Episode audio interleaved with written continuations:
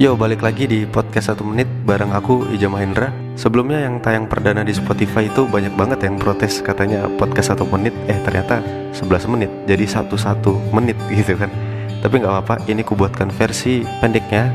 Kalau yang di Spotify itu untuk ngomong serius ya, kalau di sini untuk ngebacot santuy aja. Jadi setiap kali kamu sedang merasa hancur, bayangkan deh kamu sedang merasa di dalam kepompong, meremukan tulang-tulangmu, menumbuk daging-dagingmu, Sampai harinya tiba, sayap keluar perlahan jadi pemandangan sekaligus kesadaran bahwa hancurnya kemarin itu tuh sebenarnya lagi ngebentuk kamu, kita jadi kupu-kupu.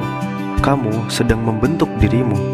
Kamu bukan apa yang telah terjadi padamu sekarang, tapi kamu adalah apa yang kamu lakukan pada apa yang telah terjadi padamu sekarang.